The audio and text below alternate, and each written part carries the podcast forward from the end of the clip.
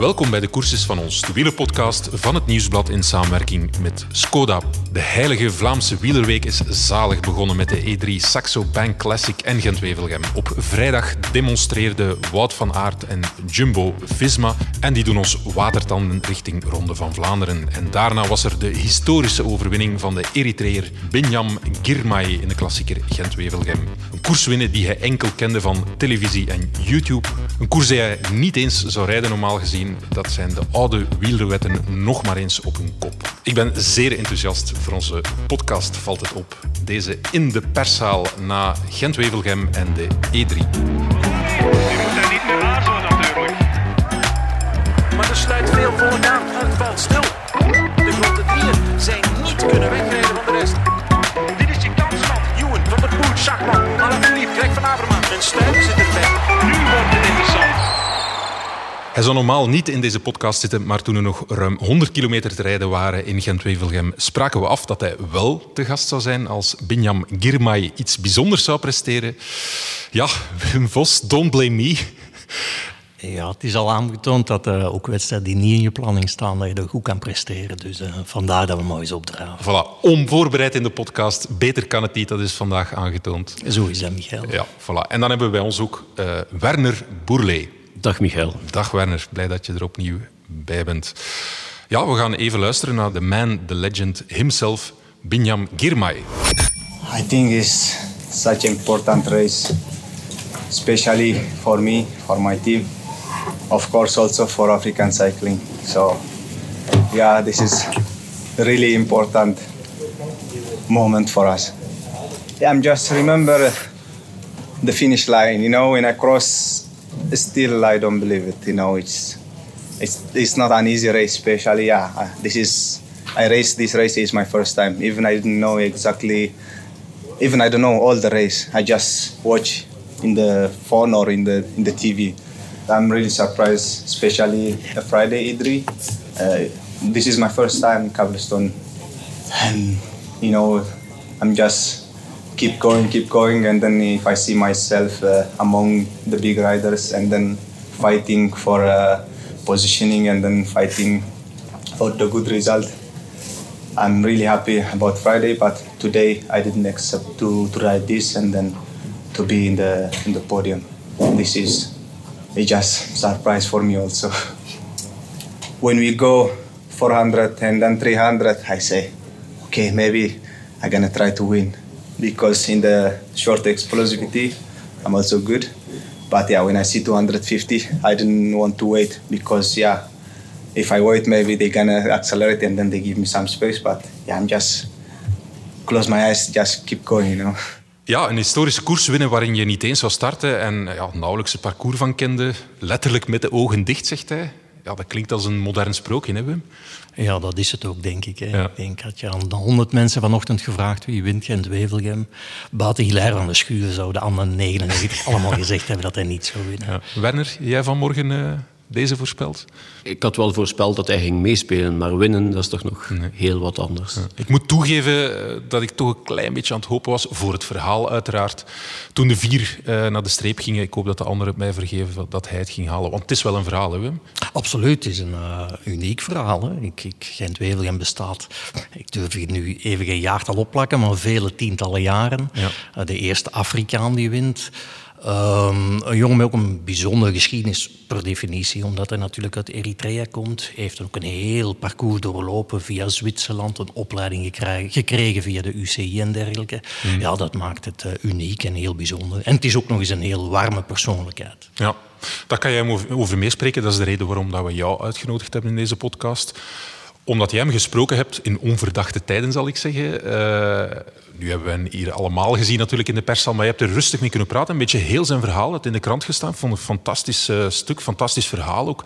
Het las echt als een ja, roman. Hè. Uh, wanneer heb jij gesproken en, en wat heeft hij allemaal verteld dan? Ik heb hem gesproken de vooravond van Parijs-Nice. Um, ergens buiten Parijs. Wat uh, Parijs-Nice was denk ik zijn eerste, nee zijn tweede rittenwedstrijd in de World Tour. Had al eens mm -hmm. een keer de Ronde van Polen gereden. En... Um, ja, eerst en vooral was ons vorig jaar al een beetje opgevallen toen hij Klopt, tweede werd ja. op het WK voor belofte in Leuven. Ehm, en dan in januari doen we met de krant elk jaar een enquête bij alle Vlaamse, Belgische ploegleiders. En daar werd een aantal keren, ook door mensen van buiten Intermarché, Wanty Gobert, toch wel getipt als een jongen die een absolute revelatie zou kunnen worden dit jaar. En als dan zo iemand start in Parijs-Nice, dan uh, rijden we wel. Dus nooit wel eens tot uh, in Parijs om die te spreken. Ja. En de dingen die hij verteld heeft, uh, onder andere, ja, hij komt uit Eritrea, maar dat blijkt echt wel een wielerland te zijn. Hè? Ja, klopt. Dat heeft hij mij verteld. Hij heeft ook foto's van getoond, want hij was daar best trots op. Eritrea, om het heel kort te schetsen, is jarenlang een kolonie geweest van Italië. Uh, eerste helft van de vorige eeuw. Um, en blijkbaar is de sport daar geïntroduceerd door de Italianen. Al snel wedstrijden, aanvankelijk met alleen Italianen, maar dan ook met de lokale bevolking, die dan al een keer uh, in staat was om die Italianen te kloppen, te verslaan. En ja, zodanig is dat toch een eigen aparte wielencultuur ontstaan met uh, ja, eigen klassiekers, eigen eendagswedstrijden. Zelfs eigen, een eigen Eddy Merckx. Een eigen Eddy Merckx. Ik kan nu even de naam niet noemen, maar dat De zij... mensen moeten het stuk herlezen, voilà. Ja, zo is dat. Um, hij zei dat zelf, van ja, we hebben ook onze echte wielericonen uit de jaren 60 en 70. Dat zijn dan meestal renners die in die jaren uh, vanuit Afrika naar Europa afzakten om elk jaar het WK bij de amateurs te rijden, om de vier jaar eventueel eens aan de Spelen mee te doen. Ik heb dan een aantal uitslagen opgezocht. Eerlijkheid gebiedt me wel te zeggen dat ze meestal het einde van de rit of van het WK ja. niet haalden. Ja. Maar Ginden zijn dat dus echt absolute grootheden. Ja. Um, ja, en ze hebben, zoals ik zeg, een echte wielercultuur met ook bijzonder veel volk aan de kant van de weg bij wedstrijden. Um, en hij heeft me daar wat foto's van laten zien en eerlijk, het oogde indrukwekkend. Het leek ook in het interview alsof hij jou probeerde overtuigen van de wielercultuur. Dat vond ik wel schattig eigenlijk. Ja, zo, zo is dat. Uh, ik denk dat. Wij leven allemaal met het idee dat alleen in Europa echt gekoerst wordt. Of dat de sport leeft. En dan met name in West-Europa. Landen Italië, Spanje, Frankrijk, België. Zwitserland nog een beetje. Dat is wat in ons hoofd ja, leeft. En hij zei van nee, dat is dus totaal niet zo. Er zijn ook andere plekken in de wereld waar, waar er volop gekoerst wordt. En dat is te weinig geweten volgens hem. Ja. En dan, want dat is een beetje jouw commentaarstuk dat ja, morgen, maar bon, uh, als deze podcast uh, in de ether is, dan zullen de mensen het gelezen hebben of kunnen lezen. Jouw commentaarstuk een beetje staat, uh, het gaat vooral, daar wordt wel gekoerst, maar het gaat over structuur die daar al dan niet aanwezig is. En de vraag zal zijn, want we noemen dit nu een historisch resultaat, of dit kan bestendigd worden, of dit werkelijk iets teweeg gaat brengen daar, niet qua enthousiasme, maar qua structuur, qua doorstroming, qua... Dat is een beetje de vraag. Ze hebben voor alle duidelijkheid wel hun eigen structuren. Hè. Ze hebben een eigen Eritrese wielerfederatie. Ja. Ze hebben ook een eigen Afrikaans kampioenschap. Dat is ook de wijze waarop de manier waarop hij is opgevallen een eerste keer. Hij werd bij de junioren op het Afrikaans kampioenschap uh, won hij zowel de tijdrit, de individuele tijdrit, de wegrit als de ploegentijdrit in één en hetzelfde jaar als Clean junior. Sweep.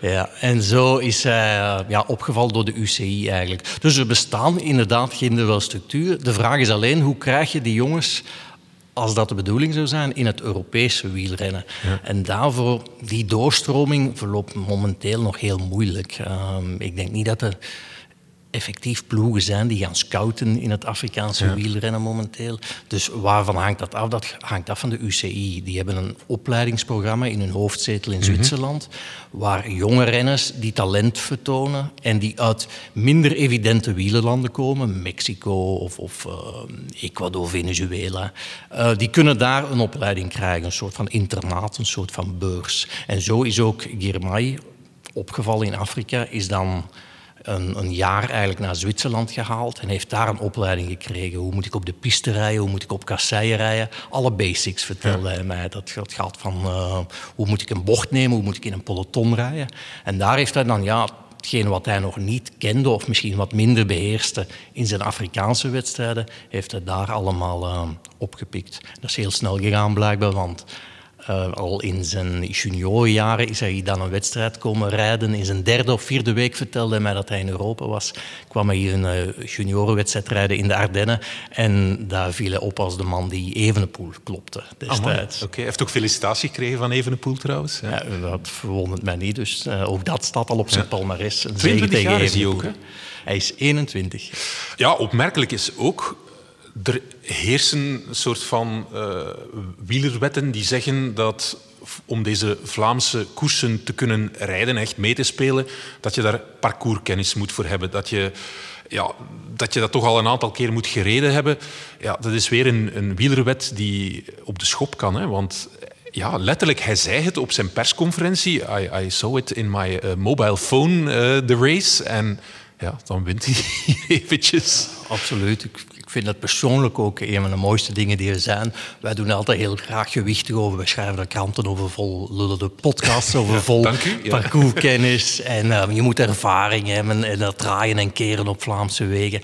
dan komt iemand die eigenlijk blind toe die rijdt hier een wedstrijd en die wint. Uh, dat is fantastisch. Dus dat is heel mooi, vind ik. Ja. En het relativeert ook al het, de gewichtigheid die er vaak rondgaan. En qua persoon, welke indruk heeft hij op jou gegeven in dat interview? Heeft dat lang geduurd, dat interview? Uh, was hij een goede verteller? Wat voor iemand is hij? Um, hij was zeer aimabel. Hij maakte alle tijd.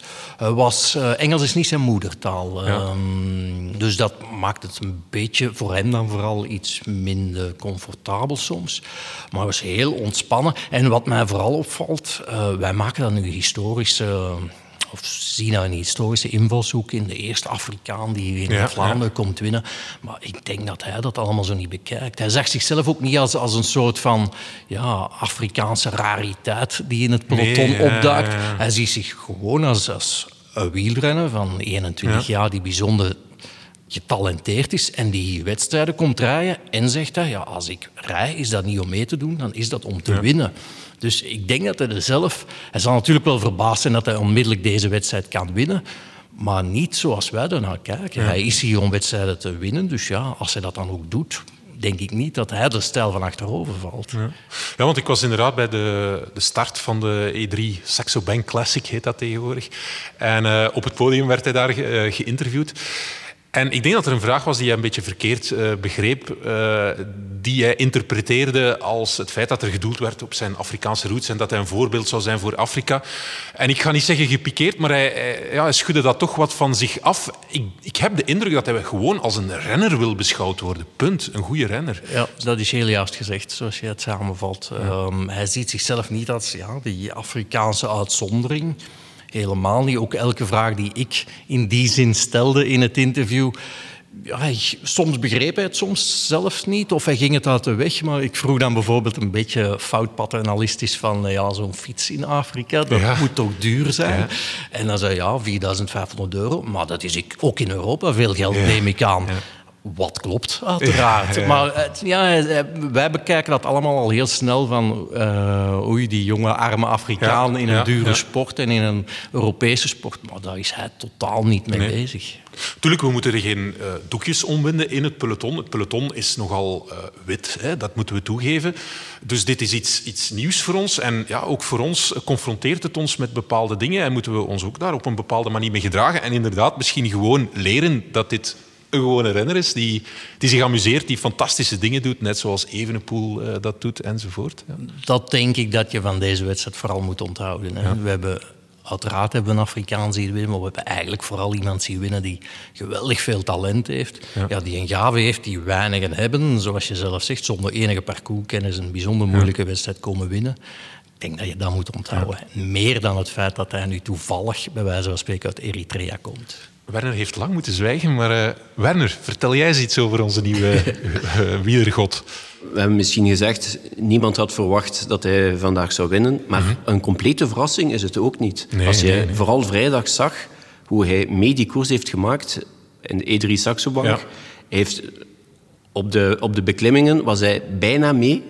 Uh, op de Paterberg was hij bijna mee ja, met de duo uh, Van Aert-Laporte. Hij was net de derde man ja. die net niet kon, uh, niet kon aansluiten. Dus hij was daar eigenlijk al een van de beste renners in de, in de wedstrijd. Ja. Dan is het niet verwonderlijk dat dat hij vandaag gewoon meespeelt. Goed nieuws voor Wout van Aert dat hij niet start in de Ronde van Vlaanderen, zou ik dan bijna zeggen.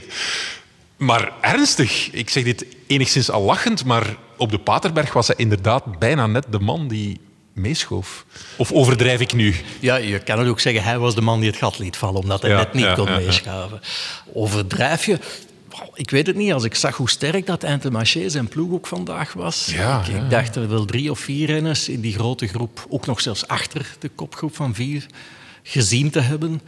Dus ja, ze zouden inderdaad misschien wel eens een rol van betekenis hebben kunnen spelen. En ja, fijn, we gaan het nooit weten, want hij rijdt natuurlijk volgende week zondag niet. Nee, maar vertel, zou dat verhaal wel eens, ja, vertel dat verhaal eens. Dat is toch bijzonder.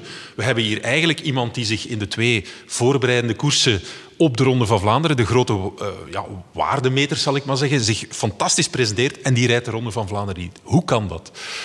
Ja, hij zelf vertelde mij, het maakt eigenlijk alleen nog maar meer bijzonder, dat deze wedstrijden zijn voor hem een beetje een probeersel. Iets in de lange aanloop richting de Giro, waar zijn hoofddoel ligt. ligt. dus dat is ook een wedstrijd, eh, dat kan ik ook nog wel even zeggen, dat in, in Eritrea veel groter is. Dus eh, als ze naar het Europese wielrennen kijken, dan zijn dat in de eerste plaats de grote rondes. En in tweede instantie ook een beetje de Italiaanse klassiekers. Ja. Dus ja, hij gaat, het hoofddoel voor hem dit jaar is de Giro, waar hij denk ik ook echt voor een klassement gaat, voor ritten gaat. En dit zit allemaal in die lange voorbereiding Mhm. richting Giro voor hem. En dus denk ik ook dat eh, ook bij Intermarché men zich toch een beetje aan die planningen wil houden. Ja. Het was al niet de bedoeling, ik denk dat hij nu drie Vlaamse wedstrijden heeft gereden deze week. Dus men heeft al een beetje aan die planning zitten eh, schaven. Um, en dat men dat nu wel even wil houden bij wat er op de Ja. planning stond. En dat is vooral in functie van de Giro werken. Ja. Komt bij, um, dat zei hij zelf ook, en ik denk ook dat hij dat vandaag herhaald heeft. Die jongens zijn wel lang van huis. Ja, Um, drie maanden, hij. Ja. Hij heeft een kindje en een, Ja, een- ja, een dus- vrouw eh, of vriendin daar. Ja, Ja. Hij woont met een andere renner uit Eritrea eh, in een appartement in San Marino. Mhm. Ehm, maar zijn vrouw en kind dus wonen in Eritrea. Ehm, nu, dat is qua afstand, qua tijdsverschil is dat niks. Ik denk dat dezelfde klok hanteren dan Ja, wij. Ehm, het is ongeveer zes uur vliegen vanuit Italië en hij vermijdt wel om te vaak die, Ja. die trip te maken. En nu is hij al heel lang... Drie hij, Drie dus, maanden alleen in Europa. Was al, het zat al in zijn hoofd dat hij eindelijk nog eens terug naar zijn thuisland kon. Ik denk ook dat de ploeg dat niet langer wil uitstellen. Jan Bakelands heeft wel voorgesteld dat we iedereen bijlegt om zijn familie naar hier te, te vliegen, zodat hij hier kan blijven en toch nog de ronde kan rijden en winnen. Maar ik denk mentaal dat hij nu wel eh, aan verfrissing nodig is. En, en even zeggen, hij was 21ste in eh, Brugge de Pannen. Ah, voilà, kijk, dus hij heeft, hij, heeft, hij heeft wel degelijk meegedaan. Onze redacteur hier, is fantastisch, Wende, dank u. Heel nuttig. Ehm, nee, inderdaad. En het schijnt ook niet zo evident te zijn qua visa, blijkbaar. Nee, dat vertelde hij ook. Dat dat inderdaad... ehm, ik denk, hij zal hier nu wel een werkvergunning hebben, waardoor de situatie allemaal vergemakkelijkt. Maar eh, om zomaar even zijn familie op 24 uur naar België Ja, te halen, nee, ik nee. denk niet dat het zo simpel is. Jan Bakelands, sorry, maar ik vrees dat je een ander goed doel gaat moeten zoeken. Werner, we hebben het over sprookjes gehad, maar er is ook een ploeg voor wie deze koers Gent-Wevelgem niet echt een sprookje geweest is. Hè. Alpes in Phoenix, twee sprinters aan de start. Eh Philips en Berlier, twee sprinters in vorm. Tja, ze zijn niet aan de pas gekomen. Ze zijn er wel aan te pas gekomen. Ah, dat is het net. Maar niet aan de streep. Maar ze hebben niet kunnen sprinten voor de zegen. Maar Ja. het is echt wel een, eh, een, een gemiste kans, eh, Mhm. denk ik. Merlier had het wel wat moeilijk op de, op de Kemmelberg telkens. Hij zei het ook, ja, ik kon daar niet over mijn limiet gaan. Mhm. Maar hij zat uiteindelijk wel in die achtervolgende groep op, de- op die vier. Op het moment dat die vier eh, wegreden, Mhm. kwam hij aansluiten met onder meer Gianni Vermeers. En Jasper Philipsen zat toen al in die groep. En Gianni Vermeers is als een gek beginnen rijden om proberen de kloof te dichten. Maar hij had niet zoveel hulp. Uh, Groupama heeft onder andere een beetje geholpen. Maar er waren nogthans ook andere ploegen die niemand vooraan hadden, zoals de Lotto's. Maar die hadden niemand eigenlijk om te sprinten. Dus eh, kwam hij een beetje tekort. Allee, Gianni kon het niet alleen. Nee. En ik vond het toch raar dat er dan niet beslist is door de ploegleiding om te zeggen... Jasper, Ja. nu rijd jij ook mee, probeer het gat te dichten. Of omgekeerd, Tim, jij rijdt Ja. mee. Dan konden ze misschien, ik zeg misschien, sprinten voor de zege. Maar er was blijkbaar afgesproken dat ze alle twee hun kans mochten gaan. Ja. En eh Gianni Vermeer zei ook, ja, eh, als er wordt gesprint voor de zege, hebben we twee kansen om te winnen. Zo kan je het ook Dat is bekijken. een beetje een vreemde redenering, toch? Zo kan je het ook bekijken. Maar ze hebben blijkbaar niet misschien niet gedurfd om een van de twee aan te duiden om zich op te offeren voor de andere. Natuurlijk, dat, er, dat ze alle twee aan de start staan is logisch in Gent-Wevelgem. je weet ook niet als ze allebei gaan overleven. Dus het is altijd goed. Maar op een bepaald moment vond ik dat er toch wel een beslissing had moeten genomen worden. Dat één iemand zich ook compleet zou leegrijden. Lukt het niet, ja, dan lukt het niet. Want je ziet Merlier won heel makkelijk de sprint. Ja, zonde. Ja. Alleen nog Søren Krek Andersen was op het einde nog weg. Bleef net nog uh, buitenschot uh, bij die achtervolgers. Uh, dus het is toch een beetje een gemiste kans. Tim Merlier zei ook... Uh, misschien krijg ik nooit nog zo'n kans mm. om Gent-Wevelgem te winnen. Ja. Dat is, het is toch een beetje een, een raar... Het is goed om twee sprinters te hebben. Andere ploegen hebben dat ook. Mm. Maar op een bepaald moment moet er toch een keuze worden gemaakt, ja. denk ik. Bijvoorbeeld woensdag doen ze het wel. En dwars door Vlaanderen mag Tim Merlier, die was uh, vorig jaar derde, maar hij is niet geselecteerd. Uh, ze gaan voor Jasper Philipsen, maar vooral voor Mathieu van der Poel. Ik denk dat het, dat vooral Mathieu zal zijn die daar mm. de boel aan Vlachten zal willen rijden. Ja. Dus uh, ik denk dat het op zich niet erg is ja. dat, ze, dat of daar niet is. Maar het is toch... Bijvoorbeeld in de Scheldeprijs gaan ze wel op, opnieuw alle twee rijden. Oei, ja, dat wordt En daar, weer, ja. dat is nog... Want je weet dat het daar op een... op tien op een mm -hmm. sprint met een grote groep uh, eindigt. Wat gaan ze dan doen? Alle twee apart sprinten? Wat gaan doen ze als Jonas Ricard er dan ook nog bij zit en dat is een lead-out? Wie van de twee gaat hij dan moeten... Je moet toch een keuze maken op zo'n moment in de slag? Ja, wel... Uh, manager Philippe Roofdhoofd uh, heb, ik, heb ik gesproken en die zei... We zien dat dan wel. Maar is dat nu, nu zo erg dat, er, dat we met twee gaan voor, een, voor de zege? Dan heb je meer kansen. Andere teams doen dat, doen dat ook en dat klopt. Maar ik denk op bepaalde momenten gaan ze toch wel moeten beslissen. Ja, ik vond vorig seizoen eigenlijk al, toen zijn ze alle twee een beetje ontbolsterd en toen viel dat nog te managen. Dit is seizoen 2. Is dat een heel seizoen te managen, die situatie? Met twee spurters die eigenlijk ja, toch in heel veel koersen samen ja, voor de overwinning zouden kunnen gaan. Dat gaat toch ooit eens fout lopen? Dat denk ik ook. Ik denk dat het vorig jaar in de Tour een, ik zal niet zeggen een fout is gelopen. Uh, Merlier wint daar een rit en moest daarna werken voor Philipsen. Ik denk dat dat dan dat dat moeilijk was. Mm. Maar uh, Roethoff zei toen, ja maar ja, Merlier heeft daarna opgegeven. Mm. Uh, Mathieu was ook weg in functie van de Spelen. Wat als we Philipsen niet hadden gehad? Ze hebben daarna nog een paar keer twee, is hij nog een paar keer tweede geworden. Dus dan kan je ze eventueel wel gelijk geven. Maar ik neem aan, er moeten goede afspraken worden gemaakt. En ja. die zijn er misschien wel, want mm. zowel Tim vond het normaal, maar Jasper zei wel, er is nooit gezegd dat een van de twee ons moest opofferen. Hij, zegt, hij heeft gewoon geantwoord, dat doen we niet. Toen ik voorstelde, misschien was het een idee om een van de twee op te offeren, dat doen we niet, zei hij. Dat lijkt me toch moeilijk in, in, om dat een heel seizoen proberen vol te houden. Het zijn twee winnaars, hè. Het zijn ja. twee winnaars. En alle twee, als ze een unieke kans krijgen om, uh, om een koers als Gent-Wevelgem te winnen, mm. dan is het moeilijk om, uh, om zich op te offeren, denk ik. Het verhaal dat ook speelt, ja, Merlier die is einde contract. Hè? Ja. Die dus, zal uh, toch allicht andere oorden gaan opzoeken, denk ik dan. Ik weet het niet, want hij, hij voelt zich wel eigenlijk goed in, in, in deze ploeg. Mm -hmm. uh, maar er is, hij is einde contract en er is heel veel interesse, ja. wat ook logisch is. Uh, onder meer Quickstep wordt genoemd. Mm -hmm. ik weet dat Patrick Lefevre al eens gepolst had om Merlier binnen te halen. Maar hij had toen net bijgetekend, uit zijn contract opengebroken bij, uh, bij Alpecin. Dus misschien kan hij naar Quickstep gaan volgend, want daar komt een plaatsje vrij als Mark Cavendish wegvalt. Ja.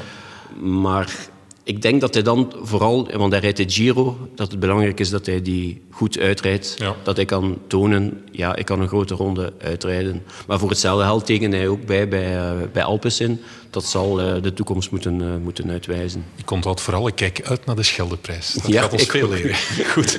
We gaan intussen even luisteren naar een boodschap van Skoda en daarna luisteren naar een andere kanjer. Je gezin is net als een wielerploeg. We moedigen elkaar aan. En we weten dat we met de tips van onze ploegleider we alle kansen hebben om echte kampioenen te worden. Skoda, supporter van de grootste fietsfamilie. would be really stupid if I would say it was easy because um, we still um, need to perform on the highest level and um, of course we had a big gap in the end it really had to fight until the moment uh, the group behind us started hesitating so uh, we forced this situation ourselves and we definitely not say that uh, that this was easy but of course the way of winning it's something really special the most important thing I learned is that we uh, we are ready for it. En of hij er klaar voor is en zijn team ook, Wim, voor de Ronde van Vlaanderen, Wout van Aert. Dat is het minste wat je kan zeggen, denk ik, na wat we vrijdag gezien hebben. En eigenlijk ook wat we vandaag in Gent-Wevelgem opnieuw hebben gezien. Ja. Het is uh, veruit het sterkste blok. Kwantitatief en kwalitatief, zoals we dat dan zo mooi zeggen. Ze zijn met meer pionnen in de voorste gelederen. En ze zijn vaak ook beter dan alle andere renners of alle andere ploegen. Ja. Maar uh, ja, de druk gaat wel bij hen liggen. Er is denk ik geen ander blok dat gaat proberen nog maar de voet ernaast te zetten. Dus iedereen, als er een situatie is die moet opgelost worden, zij zijn daar, gaan ze het ook wel moeten doen. Ik denk dat ze opnieuw gaan willen koersen zoals ze zowel vrijdag als uh, zondag hebben gekoerst. Dat is uh, zelf de koers in handen nemen. Hè. Zelf aanvallen, ja. zelf zorgen dat er iemand vooraan is. Dat hebben ze eventueel hem ook gedaan. Op een bepaald moment zat Wout ook gewoon in een zetel achteraan, omdat er twee Jumbo-Visma's vooraan zaten. Maar het zal denk ik in de ronde wel moeilijker zijn. Als het echt ontploft, hmm. zal het de vraag zijn of Laporte en Benoot ook in de volle finale mee zullen kunnen en ze opnieuw à la Quickstep de, het voordeel van eh, de meerderheid kunnen uitspelen. Maar inderdaad, zij zullen de koers moeten dragen. Maar ik denk de grootste uitdager zal toch een, een renner zijn die we nog niet gezien hebben eh, dit seizoen in België. Oh, Werner, cliffhanger, wie wordt dat? Uh, dat zal Mathieu van der Poel Mathieu van der Poel, ja. ja, ja. Wat hij uh, vrijdag weer laten zien heeft in. Copy Bartali, de tijd in de aanval, uh, op zes kilometer van de finish bijgehaald worden en uiteindelijk nog de sprint winnen. Oké, okay, het is maar Copy Bartali, het is niet te vergelijken met uh, Delimersveld van Gent Wevelgem, maar ik denk dat hij ook waar hem nog eens nodig zal hebben woensdag om nog eens ja. voluit te gaan en dat hij in de ronde wellicht wel, uh, wel top zal zijn. Wim, ja, jij kan ook met enig recht spreken, want jij was in de Settimana Coppi e Bartali, maar je hebt hem niet helemaal uitgezeten. Hè? Nee, Net nee, nee. het grote nummer van Van der Poel heb jij gemist. Ik heb de eerste twee ritten ter plaatse gevolgd en dan ben ik uh, op tijd voor de E3 terug naar België ja. gekeerd. Maar uh, inderdaad, uh, de vierde rit denk ik dat het was. Ja. Waar hij zijn uh, ja, spectaculaire zegen behaalde, heb ik niet gezien. Nee. Maar je hebt wel een moment van zwakte ook gezien, hoewel dat, dat relativeerde. Ja, ja, dat was de tweede rit. Een, wel een zeer zware rit. Ik denk, het was een 160, 170 kilometer voortdurend op en neer. Er zat ook een klim in van, oh, ik denk een kleine drie kilometer, wat al langer is dan de oude Quaremont in de Ronde van Vlaanderen, die denk ik een 2, zoveel kilometer is. Dus het was wel lastiger dan een, een, een laten we zeggen, een doorsnee Vlaamse wedstrijd. Maar daar moest hij, ja, op de voorlaatste helling van de dag, moest hij inderdaad een groep van een, renner, van een uh, twintigtal renners hmm. laten gaan. Ja. Omdat... Uh, het vat af was bij Van der Poel op dat moment. Ja. Hij zelf kon dat inderdaad goed plaatsen om de reden dat ik zeg, het was een bijzonder zware rit. Het was dan misschien iets meer voor klimmers zelfs dan voor punchers. Mm. Uh, het was op dat moment ook nog maar zijn derde wedstrijd na zijn uh, lange revalidatie. Dus hij drukte dat dan uit met een klassieke koersterm als ik mis nog wat hardheid. Vraag me nu niet. Wat is hardheid? Ja, ik denk dat hij zoiets bedoelde als uh, het vermogen om heel veel tempowisselingen te ja. kunnen verwerken. Om ja, zelf uh, in de aanval te gaan, snel te recupereren, om dan weer mee in te schaven en dergelijke. Iets wat hij dan vrijdag ja. wel gekund heeft. Enfin, het was het ja. woord dat hij gebruikte. Hardheid, ik zou het een beetje samenvatten als het smurfen. Hè? Een, een soort van koepelterm die je voor alles kan gebruiken. Maar je hebt het goed uitgelegd. Ja. Dank je wel, Michael. Ja. Maar zo inderdaad, vrijdag had hij daar dan blijkbaar geen last meer van. Was ja. die hardheid er wel. En um, het is een beetje zoals Christophe Roodhoff, zijn ploegleider, het uitdrukt. Ik denk niet dat Matt van der Poel al top, top, top is. Ja? Maar dat betekent niet dat hij geen favoriet is voor de Ronde van Vlaanderen. En dat geldt natuurlijk maar voor één renner. En dat is Van de Poel. Misschien nog een bijkomende factor, want Pogacar zal er natuurlijk ook aan de start staan. Die zal ook meespelen, maar in Milaan-San Remo heeft Pogacar toch ook niet echt Wout van Aert kunnen overtroeven. Dat mogen we zeggen. Is maar hij was wel zijn gelijke. Hij was zijn gelijke, dat wel. En dan heeft een, misschien een, een, derde hond met het benen gaan lopen. Maar dat is dan weer typisch voor Milaan-San Remo. Maar, mijn punt dat ik wil maken... Mathieu van der Poel heeft natuurlijk nog een extra component wat Van Aert betreft. Hè. Wout van Aert zit nu in de perfecte omstandigheden, maar ja, die kan toch ook mentaal iets teweeg brengen bij Wout van Aert. Er is toch altijd wel die strijd geweest tussen die twee. En, en ik denk dat Wout toch ook niet gerust is op, uh, op Mathieu. Nee, ik denk dat, dat, dat het helemaal waar is wat je zegt. Ik denk dat die twee elkaar wel beter gemaakt hebben. En dat die rivaliteit, dat we die ook zondag ook wel gaan zien. Um, als Van der Poel beweegt, zal Van Aert meebewegen. en omgekeerd, daar moet je niet aan twijfelen. Ik denk ook dat Mathieu een beetje zijn wedstrijd zal, zal afstellen op uh, Wout van Aert. Wat hij ooit gedaan heeft hier in Gent-Wevelgem. en ja. waar ze allebei naar elkaar zaten te kijken en dan pas negen en tien werden of zo. Ik weet, ja. ik weet niet meer juist uh, wanneer. Maar ik denk als Mathieu zal dicht tegen zijn top zitten, maar als hij misschien nog niet top is, mm. dat hij toch zich gaat proberen wat, wat sparen en vooral zijn wedstrijd gaat afstemmen op, uh, op Wout. Ja. Die demonstratie van Wout van Aert, wat kan hem nu nog weerhouden van een overwinning in de Ronde van Vlaanderen? Eigenlijk moet je dat zeggen. Naast Mathieu van der Poel. Als we heel eerlijk zijn, inderdaad, de tegenstand gaat een beetje moeten komen van de jongens die afwezig waren de voorbije dagen. Ja. En dan denk ik aan Van der Poel en dan denk ik aan Podjak. Om de simpele reden, je ziet zowel in E3 als nu in Gent-Wevelgem, zie je geen ploeg, geen blok die zich echt kan meten met Jumbo-Visma. Je ziet geen ploeg en je ziet ook geen renner die ja. zich echt kan meten met Jumbo-Visma en met Wout van Aert.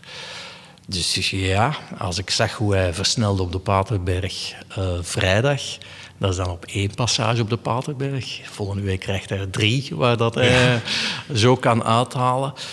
Toen kon alleen Laporte hem bijhouden afgelopen vrijdag. Ik vraag me dan echt af wie dat, dat zondag wel gaat kunnen. Ja. Werner, heb jij nog scenario's waarin Wout de koers zou kunnen verliezen, afgezien van Mathieu van der Poel? Ik denk in de sprint. Ja. Dat is als hij wegraakt in de finale, als hij uh, de laatste keer aanzet op Quaremont of Paterberg, en hij is niet alleen, maar ik zeg, een Pogacar, een Van der Poel is erbij, mm. dat hij misschien in de sprint wel kan geklopt worden. Mm. Door een Pogacar zelfs, uh, maar zeker door een Mathieu van der Poel. Ja. Dat, uh, hij kan natuurlijk ook winnen in de sprint. Ja. Maar ik denk dat dat de enige situatie zal zijn waar hij, mm. waar hij kan verliezen. Het aura van ongenaakbaar te zijn in de sprint is, lijkt Wout wel een beetje kwijt als ik dit hoor. Ja, dat wordt gezegd, maar ik denk eerst en dat hij die sprint in de Ronde van Vlaanderen misschien helemaal niet nodig gaat hebben. Ja. Ook als ik nu in Gent-Wevelgem die laatste passage op de Kemmelberg, ik denk dat hij daar halfweg de klim 15e positie of zo zit. Hij versnelt en hij komt boven op de top met... Ja. Ik kan het aantal meter niet opkleven, maar echt met een, ja. een, een, een serieuze kloof. Dus ja, als hij die versnellingen volgende week in huis heeft op de Kwaremond of op de Paterberg, wie gaat hem kunnen volgen? Ja. Dus ik, zie, ik zie niemand. Als het een sprint wordt, maar dat is met een grote als, zeg jij. Dat denk ik, ja. ja. Ik zeg niet dat Wout van Aert niet meer kan sprinten, maar in een sprint, uh, in een, een, kleine groep tegen Van der Poel of Pogacar, dan uh, is hij nog niet op voorhand gewonnen, denk ik. Ja. Voilà, goed. Tijd om het doek te laten vallen over deze in de perszaal na een fantastisch koersweekend. En op het eind van deze show maken wij steeds een diepe buiging. In de eerste plaats voor Wim Vos. Heel graag gedaan. En niet minder voor Werner Bourlet. Graag gedaan, Michael. Een buiging ook voor House of Media, die ons steeds goed laten klinken. Nog een buiging voor het Nieuwsblad, de krant van de koers, ook in de Heilige Week. Ik wil nog even zeggen, Michael, gelukkige verjaardag. Want wat de luisteraars niet weten, wat de luisteraars niet weten, is dat je vandaag jarig bent. ik wou dat stilhouden, maar kijk. Dank, Werner. Goed, uh, ik ben helemaal uit mijn lood geslagen, maar uh, toch ook een diepe buiging voor Skoda, de auto die niet weg te denken is in het peloton, bij alle wielerliefhebbers en ook als partner voor deze podcast. En vooral de diepste buiging voor jullie beste luisteraars. Wie zin heeft in een bisnummer, verwijzen we door naar onze sterren voor de Ronde van Vlaanderen op woensdagavond. Tot dan. Je moet daar niet meer aarzelen natuurlijk. Maar er sluit veel volk aan en het valt stil. De grote dieren zijn niet kunnen wegrijden van de rest. Dit is je kans, Ewan, Van der Poel, Schachman, lief Greg van Avermaat en Stuyven zit erbij.